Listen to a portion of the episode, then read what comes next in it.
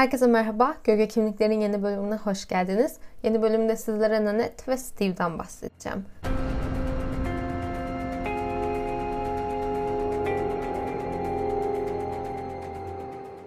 New Orleans'ın yaklaşık 80 kilometre kuzeyinde bulunan küçük bir kasabada, Lacombe, Louisiana oluyor bu kasabada. Nanette ve Steve yaklaşık 17 sene boyunca beraber yaşadı. İkili 1994 yılında tanıştı. O zamanlar Steve'in iki farklı işletmesi bulunuyordu. Bunlardan bir tanesi tüplü dalış, bir tanesi de çerçeve dükkanıydı. Nanette hangi dükkan olduğundan çok emin değilim ama sanırım çerçeve dükkanı. Bu dükkana giderek bir iş başvurusunda bulundu ve Steve de Nanette'den hoşlandığı için onu işe aldı. İkisinin ilişkisi ilk başlarda yalnızca bir iş ilişkisiyle sınırlıydı ki olması gereken de buydu çünkü Steve evliydi. Fakat zamanla aralarındaki ilişki romantik bir boyut almaya başladı ve Steve eşinden ayrıldı. Burada ayrıldı derken tırnak içinde söylüyorum çünkü henüz boşanmamışlardı. Teknik olarak Steve hala evliydi. Nanette de bunun farkındaydı ama Steve ona evliliklerinin en sonunda biteceğini, artık onu yürütemediklerini söylediği için bir şekilde ilişkilerine devam ediyorlardı. Aslında söylediği gibi de oldu. Steve bu ilişkiden çok kısa bir süre sonra eşinden ayrıldı ve aradan çok zaman geçmeden de Nanette ile evlendi. Steve'in önceki eşinden Justin adında 2 yaşında bir oğlu vardı. Steve Justin'in velayetini eski eşiyle paylaşıyordu. Bu yüzden Justin babası ve Nanette ile de oldukça fazla zaman geçiriyordu. Tüm bu zamanlar boyunca da Nanette elinden gelenin en iyisini yaparak Justin'e iyi bir üvey anne olmaya çalışıyordu. En azından etraftaki insanların görüp söylediği bu şekildeydi. 1997 yılında Steve sahip olduğu iki dükkanı da kapattı.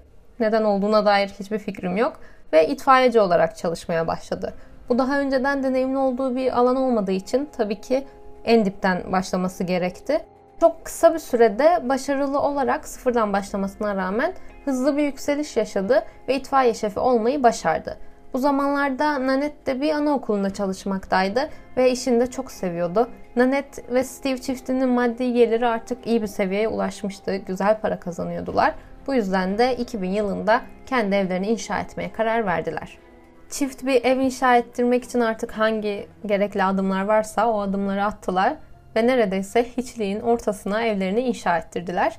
Bir sürü ağaçların içerisinde bulunan bir ev hayal edin yani orman daha doğrusu. Etrafta başka hiçbir şey yok. Fotoğrafta da çok ürkütücü gözüküyor. Ben yükleyeceğim zaten orada görürsünüz. 100 dönümlük bir arsanın üzerine evi inşa ettirdiler. Bu eve yalnızca bir tane giriş yolu vardı ve çıkmak için de elbette aynı yolu kullanıyorlardı.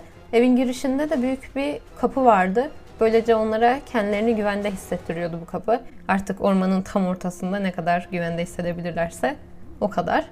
Etrafta bulunan bir tane ev var bu arada. Bu ev de Steve'in kuzeninin eviydi. Kuzeninin evi onlardan çok da uzakta değildi.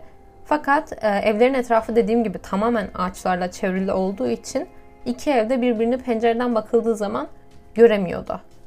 Ev kısaca çok ıssız bir yerdeydi ve her şeyden, gerçekten her şeyden uzaktı.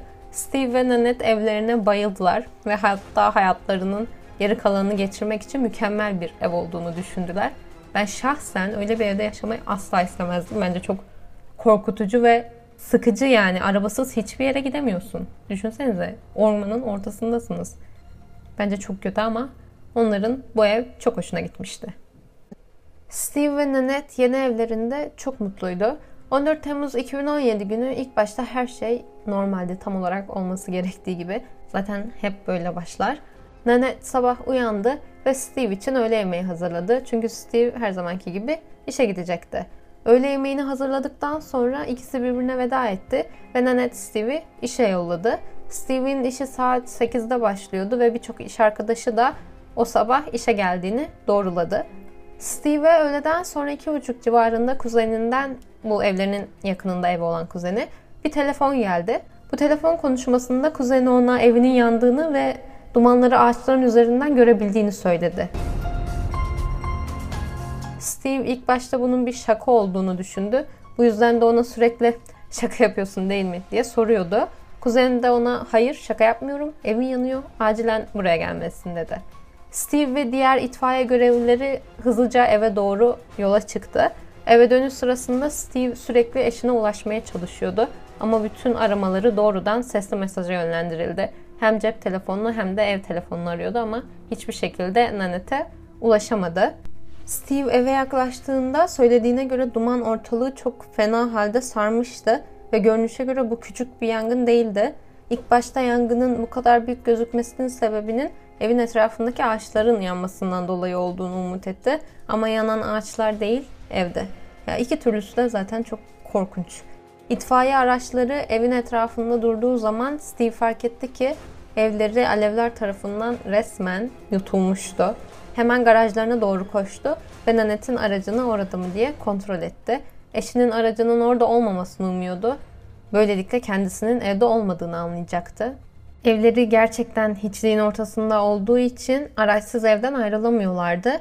O yüzden gidip ilk olarak garajı kontrol etti zaten. Ama maalesef arabaları garajdaydı ve yanıyordu. Yani bu da demek oluyor ki Nanet evin içindeydi. İtfaiye görevlileri Nanet'in vücudunu banyoda yerde yatarken buldu. Vücudu çok kötü bir şekilde yanmıştı ve aynı zamanda küçük köpeği de yanındaydı. Nanet maalesef yalnızca 49 yaşına kadar yaşayabilmişti. Polis ekipleri ve itfaiye görevlileri olayın nasıl gerçekleştiğini anlamak için evi inceliyorlardı ve o sırada da Steve eşinin ailesine bu kötü haberi vermek zorundaydı. Nanette'in babası ve kız kardeşi bu haber ile elbette ki yıkıldı. Olayın nasıl gerçekleştiğine dair henüz kimsenin bir haberi yoktu. Fakat Steve eşinin babasına Nanette'in yanan eve evcil hayvanlarını kurtarmak için geri girdiğini ve o sırada dumandan zehirlenip ölmüş olabileceğini düşündüğünü söyledi. Nanette'in kız kardeşi bunu pek de olası bulmuyordu. Şahsen ben de bulmuyorum.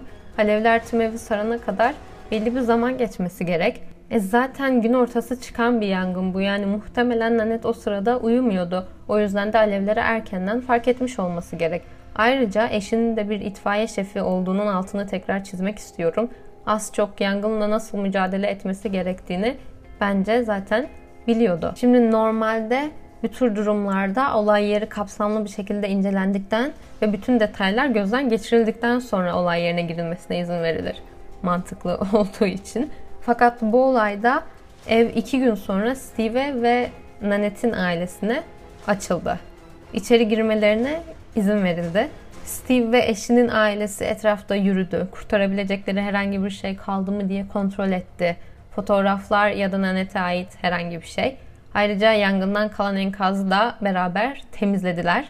Bu temizlik esnasında da elbette kalan çoğu kanıtı da muhtemelen yok ettiler. Evden geriye zaten resmen hiçbir şey kalmamıştı. Duvarlar, çatı, hiçbir şey. Yüklediğim fotoğraflarda da evin son halini görebilirsiniz. Gerçekten ev korkunç bir durumdaydı. 21 Temmuz 2017 günü Steve eşi için bir anma töreni düzenlemeye karar verdi ve bu anma töreni de Nanette'in çalıştığı okulda gerçekleşecekti. Sonuçta oraya yıllarını vermişti. 14 yıl orada çalıştı ve o yüzden uygun bir ger olacağını düşünüyorlardı. Anma töreni gerçekleşirken adli tabip Nanette'in gerçekten nasıl öldüğüne dair bir açıklamada bulundu. Bu arada Nanette'in ölüm haberi basında hep yangında ölen kadın, ev yangını şeklinde lanse edildi. Kimse bunun arkasında başka bir şey aramıyordu. Bu yüzden adli tabibin yaptığı açıklama herkesi şok etti. Otopsiye göre Nanette'in ölüm sebebi yangın değil, kafasına isabet eden bir kurşundu. Buradaki saçmalığın farkındasınız değil mi? Kim otopsi raporunu beklemeden önce böyle bir karar verir ya? Gerçekten inanılmaz. İşe yarayabilecek bir sürü kanıt yok edildi. Sırf polislerin iş bilmezliği yüzünden belki de davanın seyri tamamen değişti. Gerçekten çok sinir bozucu bir durum. Anma töreni devam ederken insanların telefonları da çalmaya başladı tabii bu haberle beraber. Ve anında bu haberden neredeyse herkes haberdar oldu. Zaten çok küçük bir kasaba olduğu için herkesin bu konu hakkında bir fikri, görüşü vardı. Ve bu da tabii dedikoduların daha da artmasına sebep oldu. İnsanların kimisi şok içindeydi, kimisi de zaten bu işin basit bir yangın olmadığını bildiğini ve kesinlikle arkasında başka bir şey olduğunu düşündüğünü söylüyordu. Bu açıklama üzerine polis ekipleri yangından tam 5 gün sonra olay yerine geri döndü ve bir inceleme başlattı. Burada tekrar hatırlatmak istiyorum. Bu 5 gün içerisinde Steve ve Nanette'in ailesi zaten kalıntılarının çoğunu temizlemişti. Bu yüzden de olay yeri tam olarak ilk gün olduğu gibi gözükmüyordu. Bunun da fotoğrafları var. Aradaki farka bakabilirsiniz. Gerçekten temizlendikten sonra çok boş gözüküyor alan yani. Fark edeceksiniz. Yüklüyor olacağım. Oradan kontrol edebilirsiniz. Araştırma sırasında polis ekipleri birkaç silah bulmayı başardı ama yangından oldukça kötü zarar görmüşlerdi. Steve bu silahlar hakkında sorgulandığında ise polislere Nanet ile atış yapmayı çok sevdiklerini, silah topladıklarını ve deneyimli olduklarını, bu yüzden de bu kadar silah sahip olduklarını söyledi. 30 tane silah. Biraz ilginç bir hobi değil mi yani bu kadar fazla silah toplamak? Ama tabii yangında bulunan silahlar yalnızca 6 taneydi. Yapılan incelemeler gösterdi ki Nanette'in kafasında bulunan kurşun evdeki silahların hiçbirisiyle uymuyordu. Ama burada bir şey belirtmem gerek. Bunun sebebi kurşunun bu silahlardan çıkmamış olması değil, silahların çok kötü bir şekilde yanmış olmasıydı. Bu yüzden de incelemeler bir sonuç vermiyordu. Yani tam olarak bir şey ifade etmedi aslında bu yapılan inceleme. Yine bir sonuç yoktu. Hatırlarsanız Nanette'in bedeni banyoda bulunmuştu. İncelemelerde bedenin bulunduğu yere çok yakın duran bir silah ortaya çıkartıldı. Bunun üzerine de ekibin başındaki polis Nanette'in intihar etmiş olabileceğini öne sürdü. Bir bakıma da bu iddiasına çok inanmış gibiydi. Sanki olayın böyle gerçekleşmiş olmasını istiyor gibiydi.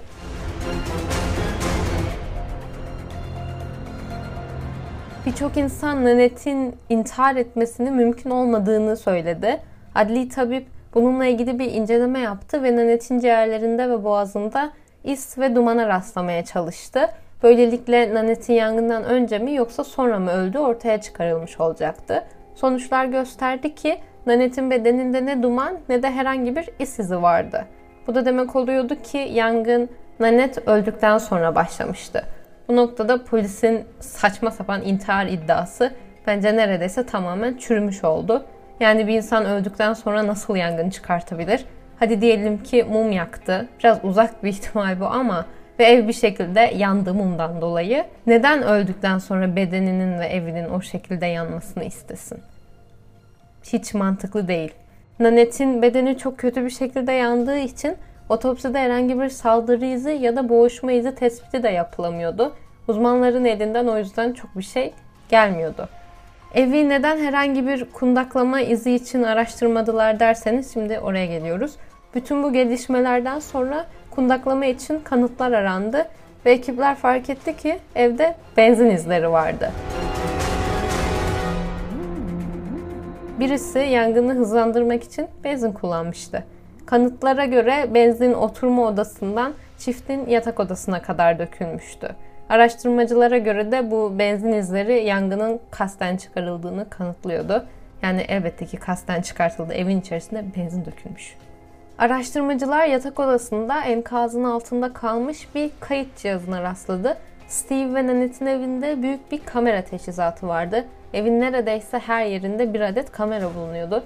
Giriş kapısında, evin dışında birkaç noktada yani o evin dışındaki kameralar resmen evin girişini tamamen çevreliyordu. Bu yüzden eve giren kişinin kameralara yakalanmaması mümkün değildi.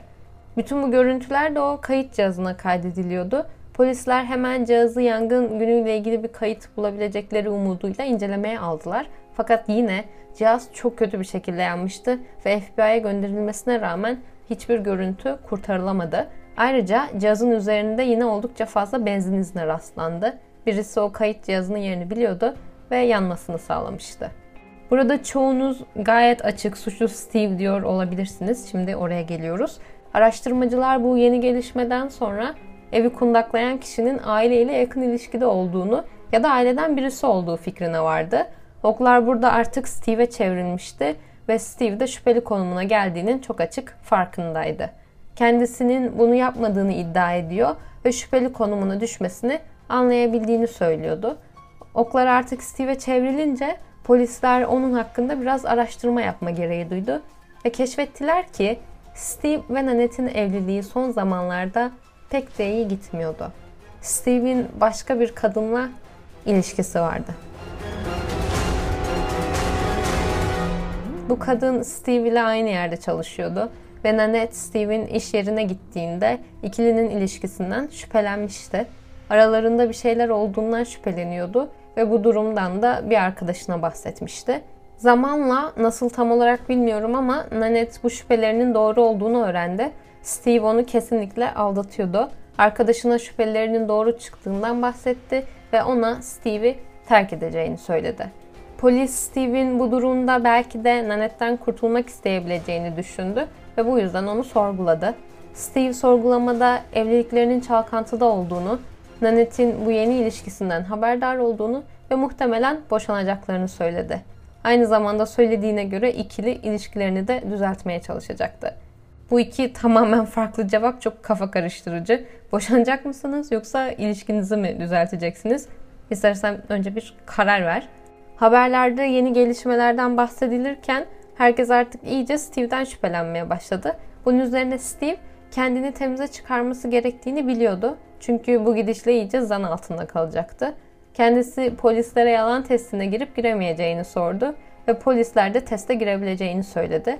Steve teste girerken yanında herhangi bir avukat olmadan testi geçmeyi başardı. Bu arada bu testlerin doğruluğu da elbette ki tartışılır. Bence pek de bir şey ifade etmiyor. Neden hala yalan testine başvuruyorlar bilmiyorum. Çünkü çok kolay bir şekilde aslında bunları kandırabiliyormuşsunuz yani yalan testini. O yüzden boşa zaman kaybı diyebiliriz. Her ne kadar tam olarak şüpheli listesinden çıkartılmasa da polislerin elinde Steve ile ilgili hiçbir şey yoktu. Üstelik biliyoruz ki Steve'in o gün yangın saatine kadar işte olduğu da birçok iş arkadaşı tarafından doğrulanmıştı.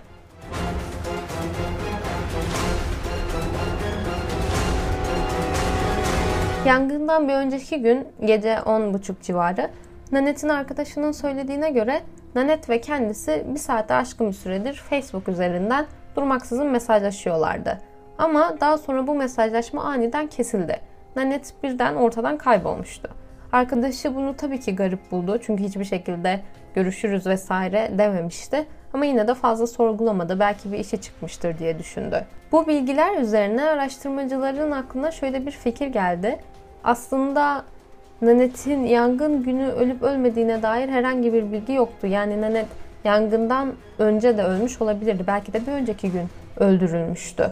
Çünkü Steve'in sözlerinden başka hani şu sabah kalkıp ona öğle yemeği hazırlaması ve işe yollamasından bahsediyorum. Nanette'in o gün hayatta olduğunu gören duyan birisi yoktu. Bu yüzden de araştırmacılar dediğim gibi onun belki de bir önceki gece öldüğünü düşünmeye başladılar. Nanette'in banka hesabı incelendiğinde ise yangın sabahı McDonald's'ta 7 dolarlık bir harcama yaptığı görüldü. Bunu doğrulamak için de McDonald's'tan kamera kayıtları istendi ve incelendi. Söylenene göre kamera kayıtları hiç net değildi. Ama ekibin başındaki polis, hani şu Nanette'in intihar etmiş olabileceğine inanan kişi, görüntüdeki kişinin o ve köpeği olduğunu düşünüyordu. Nanette'in ölümünden bir yıl sonra, neden bir yıl beklendi bilmiyorum, Görüntüyü aile üyelerine gösterdiler ama bu konu biraz tartışmalı kaldı. Çünkü görüntülerde görüntüdeki kişinin yüzü tam olarak hiç gözükmüyordu. Bu yüzden de kimse o kişinin net olup olmadığını tam olarak doğrulayamadı. Görüntü kalitesi de çok kötü olduğu için bu konuda herhangi bir şeye ulaşamadılar. Polis şefinin söylediğine göre kendisi görüntüdeki kişinin Nanet olduğundan emindi. Sen zaten Nanet'in intihar ettiğine de eminsin. O yüzden lütfen çok konuşma. Bu arada bu video görüntüleri hiçbir zaman halk ile paylaşılmadı. Hala devam eden bir dava olduğu için bunun davanın seyrini kötü etkileyebileceğini düşündüler. Bence en azından videodan bir fotoğraf paylaşılabilirdi ekran görüntüsü. Çünkü bu olay o zamanlar medyada çok uzun süre yer aldı ve herkes ne olduğunu merak ediyordu, hakkında konuşuyordu. Herhangi bir ekran görüntüsü insanlara Nanette'in o gün yaşadığını kanıtlamaya yeterdi. Ekipler bu kamera görüntülerinden sonra Steve'i şüpheli listelerinden çıkarttı ve polis şefi bir basın toplantısı düzenleyerek bunu halka duyurdu. Neden halka açık bir şekilde bunu duyurma gereği duydular? Hiçbir fikrim yok. Araştırmacılar daha sonra yeni bir bilgi edinebilmek umuduyla Nanette'in e-mailini kontrol ettiler ve orada arkadaşına yazdığı bir konu dikkatlerini çekti. Nanette arkadaşlarından bir tanesine üvey oğlu Justin'den çok korktuğunu onunla evde yalnız kalmak istemediğini ve onun yanında güvende hissetmediğini yazan mailler göndermişti. Nanette'e göre Justin fazla öfkeli birisiydi ve yapabileceklerinden korkuyordu. Justin 18 yaşına girdiğinde silahlara olan ilgisi artmış ve farklı silahlar edinmişti. Bu da Nanette'in ondan korkmasını sağlamıştı. Justin bazen yanında birden fazla silah taşıyordu. Nanette Justin hakkında hissettiklerini Steve'e söyledi ve Steve de Justin'in o evde olmadığı durumlarda eve gelmesini yasakladı. Justin haliyle bunu olumlu karşılamadı ve ikisi arasında bir kavga çıktı. Justin daha sonra Nanette'in ölümünden bir yıl önce olması gerek evlendi ve evden ayrıldı. Steve bu durum hakkında sorgulandığında maillerde belirtilenin tam tersini söyledi. Söylediğine göre Nanette ve Justin'in arasında hiçbir problem yoktu ve Justin sadece normal bir ergenin büyürken gösterdiği davranışları sergiliyordu. Ortada Nanette'in arkadaşına attığı ve bu konudaki korkusunu belirten bunca mail varken ve Nanette ona oğlundan korktuğunu söylemişken neden sanki hiçbir şey yokmuş gibi yalan söylediğini bilmiyorum. Hiç akıllıca değil. Üstelik hangi normal ergen üzerinde silah taşıyor Allah aşkına? Açıklamayı oğlunu korumak için yaptığı çok açık evet. Ama en azından aralarının çok iyi olduğunu da söyleme yani. Bariz yalan olduğu çok açık çünkü. Araştırmacıların okları bu bilgilerle tabii Justin'e çevrildi. Yangın günü ne yaptığını araştırdılar ve ortaya çıktı ki kendisi o gün Virginia'da çalışmaktaydı. Ve ayrıca görgü tanığı da bulunuyordu. Böylelikle Justin de şüpheli listesinden çıkartılmış oldu. Aradan geçen zamanın ardından çok fazla ipucu olmadığı için olayla ilgili polis biraz yavaş ilerliyordu. Bazı dedikodular ortaya çıktı ve bu dedikodulara göre Nanette'in ölümünden sorumlu kişi Steve'in kardeşi Brian olabilirdi.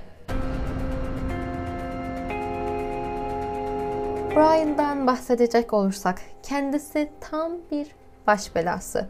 Brian daha önce tam 36 kere tutuklandı ve bu sayı günümüze kadar artmış bile olabilir. Suç geçmişi farklı suçları içeriyordu. Bunlardan bazıları direkt polis memurlarıyla yaşadığı olaylardan da kaynaklanıyordu. Yani sürekli hapse girip çıkıyordu. Brian'ın Nanette ile ilişkisinden bahsedersek kendisi Nanette'den pek hoşlanmıyordu. Çünkü 2015 yılında Brian bir gece Steve'i aradı ve ona arabasını hendekten çıkartmaya yardım edip edemeyeceğini sordu. Sanırım bir tür araba kazasına karışmıştı ve bu yüzden de arabası orada bir çukura düşmüştü. Saat çok geçti ama yine de Steve gelip yardım edeceğini söyledi. Steve ve Nanette beraber Brian'ın yanına gitti ve arabayı çukurdan çıkartmaya çalıştıkları sırada bir polis arabası onları gördü ve yanlarında durdu. Sanırım onları kenarda boğuşurken görünce aslında yardım etmek istediler. Fakat Brian'ın arabasında uyuşturucu bulunuyordu ve galiba kendisi de etkisi altındaydı. Polis bunu fark etti, uyuşturucuyu buldu ve Brian da tutuklandı. Brian bu durumdan Steve ve Nanette'i suçluyordu ve çok sinirlenmişti. Çünkü bu olay kesinlikle onların suçuydu.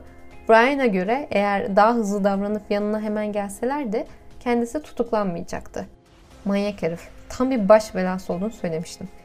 Bu Brian'ın tam olarak dördüncü kez alkol ve madde etkisi altında araç kullanımından dolayı tutuklanmasıydı.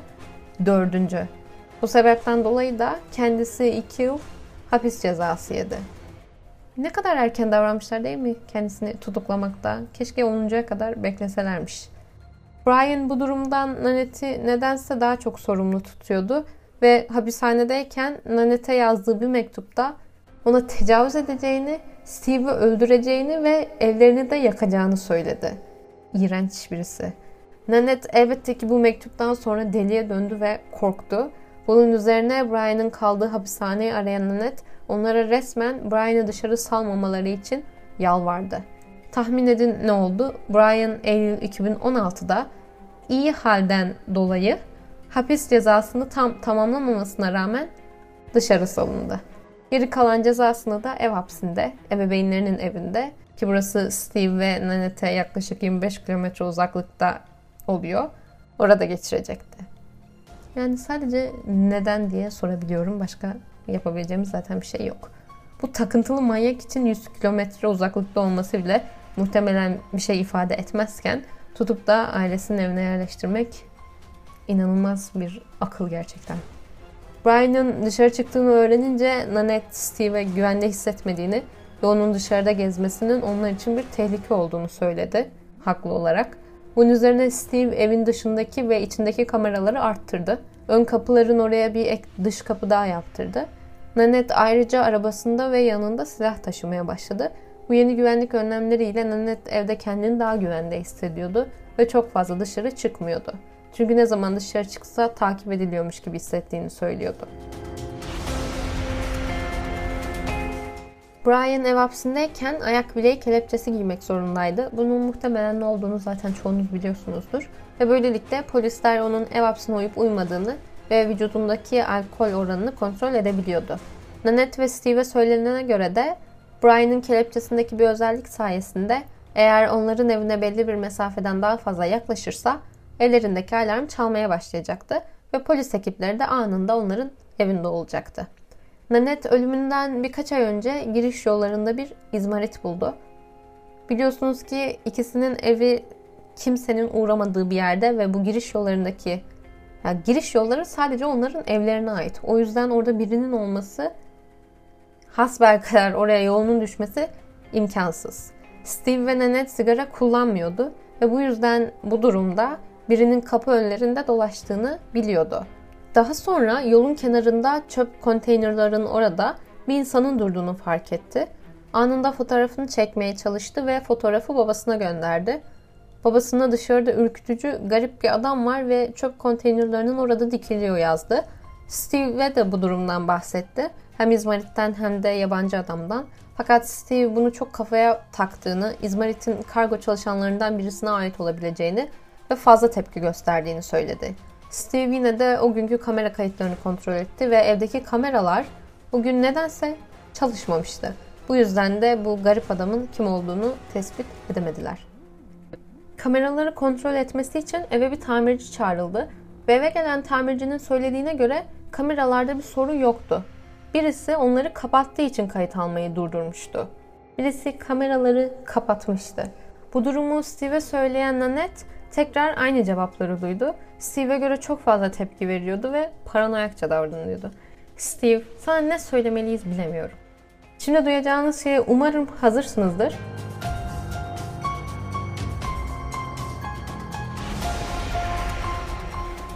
Brian'ın, Steve'in iğrenç baş belası kardeşinin hani ayağında bir kelepçe vardı ve ev hapsi oradan takip ediliyordu ya. Nanette'in ölümünden sonra ortaya çıktı ki bu kelepçe hiç aktif edilmemişti. Steve polislerle konuşmaya gitti ve haliyle bu kelepçenin neden aktif olmadığını sordu. Brian'ı izlemekle görevli olan memur da dedi ki yani ben GPS şirketinden mailler aldığım için kelepçenin aktif edildiğini düşünüyordum. Peki. Bu kelepçenin bir de alkol seviyesini algılamaya yarayan kısmı vardı. Hatırladınız mı? Hı, işte en başından beri aktif edilen kısım yalnızca buydu. Kimsenin de bunun nasıl gerçekleştiğine dair bir fikri yoktu. Steve, Brian'ın kaldığı eve de kamera yerleştirmişti ve kamera kayıtlarına göre Brian yangın çıktığında kesinlikle evdeydi. Nanette'in ailesi polise ve FBI'ye bu görüntülerin oynanmamış olduğunu kontrol edebilirler mi diye sordu. Bunun sonucunda da henüz bunu kontrol etme şansı olmadıklarını ama ilgileneceklerini söylediler. Ve maalesef Nanette'in olayıyla ilgili tüm bildiklerimiz buraya kadar. Dava hala çözülememiş durumda. Bu arada intihar etmiş olabileceğini düşünenleriniz varsa, yani pek sanmıyorum ama Nanette'in bulunduğu yerde banyoda yerde çok az kan bulunuyordu. Kendisinin kafasından vuran birisi için bu kadar az kanın etrafta olması mümkün değil. Çoğu kişi bu durumu belki de öldürüldükten sonra bedeni oraya taşındı diyerek açıklıyor ki bence de mantıklı. Oturma odasının çok kötü bir şekilde yandığını size söylemiştim daha önce. Bence kendisi orada öldürüldü ve daha sonra orası yakıldı zaten özellikle orası yakıldı bir de şu hani kayıt cihazı. Bu yüzden de kanıtlar ortadan yok oldu. Bir detay daha. Polis şefinin başından beri dava ile nasıl ilgilendiğini biliyorsunuz. Ekip de aynı şekilde. Daha otopsi sonucu çıkmadan evi aileye geri teslim ettiler ve birçok kanıt belki de ortadan kayboldu. Bir kişi polislerin bu davayı ele alış biçimini eleştirdi. Muhtemelen sizin de yaptığınız gibi şu an. Olay yerini düzgün aramadıklarını, daha dava tam araştırılmadan bunu bir intihar olarak saydıklarını söyledi. Bunun üzerine polis şefi, şu salak olan, bu adamı ailenin araştırmaya olan inancını kötü etkilemekten suçladı ve tutukladı. Nanette'in ailesi ise bu araştırmaya olan inancımızı zaten uzun zaman önce kaybettik. Bu adamın fikirleriyle hiçbir alakası yok dedi. Birçok insan hala Steve'in de bir şekilde bu olayda parmağı olduğunu düşünüyor. Ben de düşünüyorum. Çünkü kameraları kim kapatabilir ki başka? Yani kameralar bilerek birisi tarafından kapatılmış. E, eve giren çıkan zaten iki kişi var. Birisi Steve, birisi Nanette. E, Nanette kapatmayacağına göre kameraları bu kişi Steve olabilir. Bir de şey de çok garip değil mi? Yani Brian'ın kaldığı eve kamera yerleştirmesi Steve'in. Güya ailesini korumak istediği için böyle bir şey yapmış. Hani Brian ebeveynlerinin evinde kalıyordu ya. Ama belki de o kameraları oraya yerleştirmesinin sebebi yangın günü Brian'ın o evde olduğunu kanıtlamaktı. Bu da olabilir. Yani bir sürü aslında soru işareti var bu davayla ilgili. Hala da devam eden bir dava bu yani bir sonuca varılamamış. Aile tabii ki çok üzgün ve bu davayla ilgili bir şey bilen, onları herhangi bir sonuca yönlendirebilecek birisi varsa onlara ulaşılmasını istiyorlar. Bu yüzden de ortaya bir ödül koymuşlar. Onun da fotoğraflarını zaten ekleyeceğim Instagram'a. Gölge kimliklerden davayla ilgili, olayla ilgili bütün fotoğrafları görebilirsiniz. Umarım bölüm ilginizi çekmiştir. Bence ilginç bir bölümdü. Maalesef herhangi bir sonuca bağlanmadı. Ama az çok bence aynı kişilerin suçlu olduğunu düşünüyoruz bu durumdan. Bir sonraki videoda görüşmek üzere. Kendinize çok dikkat edin. Hoşçakalın.